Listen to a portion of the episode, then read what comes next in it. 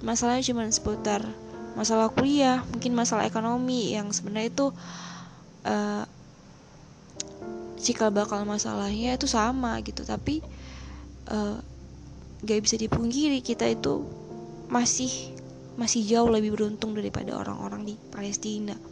Kenapa sih aku selalu bilang atau mungkin banyak orang selalu membanding-bandingin keadaan dirinya dengan Palestina? Karena kayak gak ada yang lebih tertindas gak ada yang lebih tersudutkan di bumi ini di bagian bumi mana pun kecuali orang-orang yang ada di sana.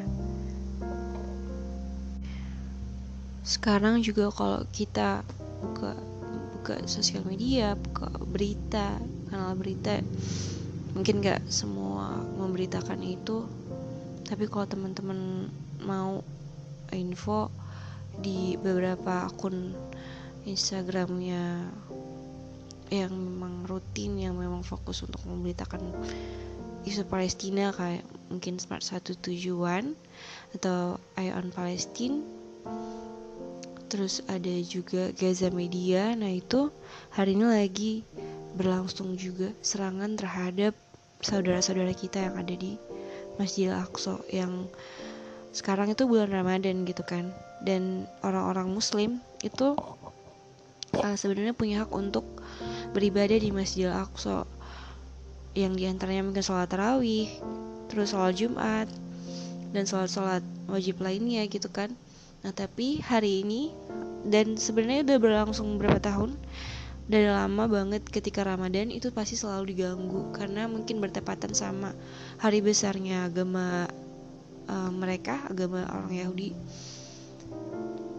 dan itu terjadi sampai hari ini gitu. Makanya aku rasa pembicaraan tentang Palestina itu memang gak akan pernah habis sampai nanti sampai kapan pun sampai hari kiamat. Karena Rasulullah juga bilang bahwa Baitul Maqdis Baitul Maqdis itu adalah uh, tempat di mana Al Aqsa itu berada itu bakal jadi padang mahsyar.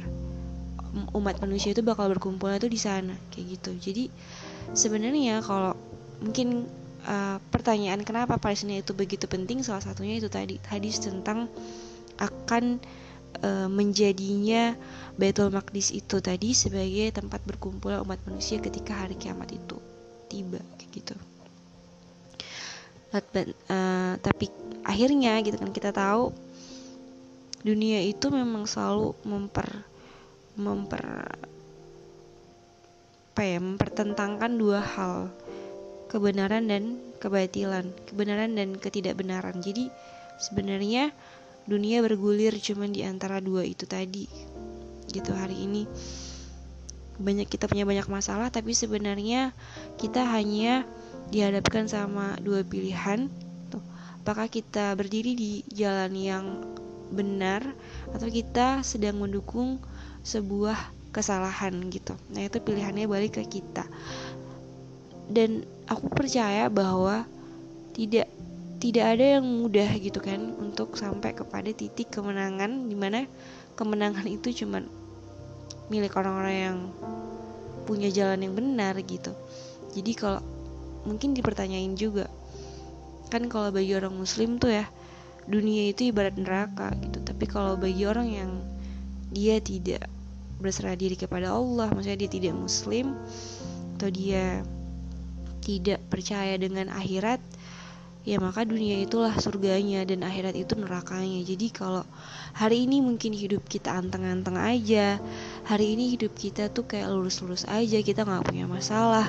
Meanwhile mungkin kita dengar berita tentang Palestina tapi kita tetap aja ngerasa biasa aja gitu. Mungkin itu bisa dipertanyain kita sedang hidup untuk apa? Kita sedang hidup untuk uh, dunia kah atau untuk akhirat? Dunia yang sementara itu atau akhirat yang selama-lamanya? Jadi mungkin itu aja sih teman-teman.